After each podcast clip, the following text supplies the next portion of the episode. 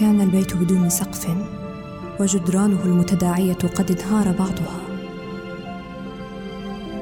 وبعضها ما زال واقفا.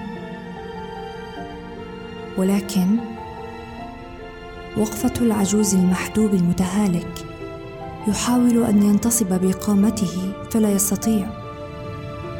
فحجر قد برز من هنا وآخر من هناك وثالث لو نكسته بعصا لهوى إلى الأرض في الحال. ولولا بعض الأعشاب النابتة في بعض الشقوق. ثم لولا بعض الحشرات والزحافات التي اتخذت من حجارتها مساكن لها وملاعب.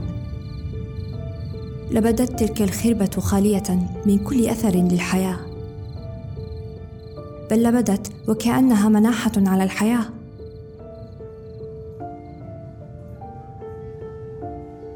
أما يحزنك أن تفكر في هذا البيت والذين بنوه والذين سكنوه؟ كيف مضوا وتركوه؟ إلى أين مضوا؟ لكم غنوا وناحوا؟ لكم فرحوا بمولود وتحرقوا على مفقود؟ لكم أملوا وخابوا وصلوا وكفروا وأبغضوا وأحبوا؟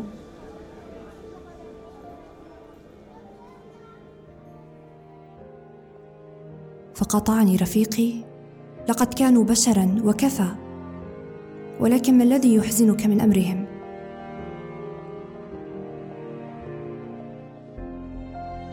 يحزنني؟ يحزنني أنهم كانوا ثم مضوا فكأنهم لم يكونوا. كانوا عمارا فباتوا خرابا.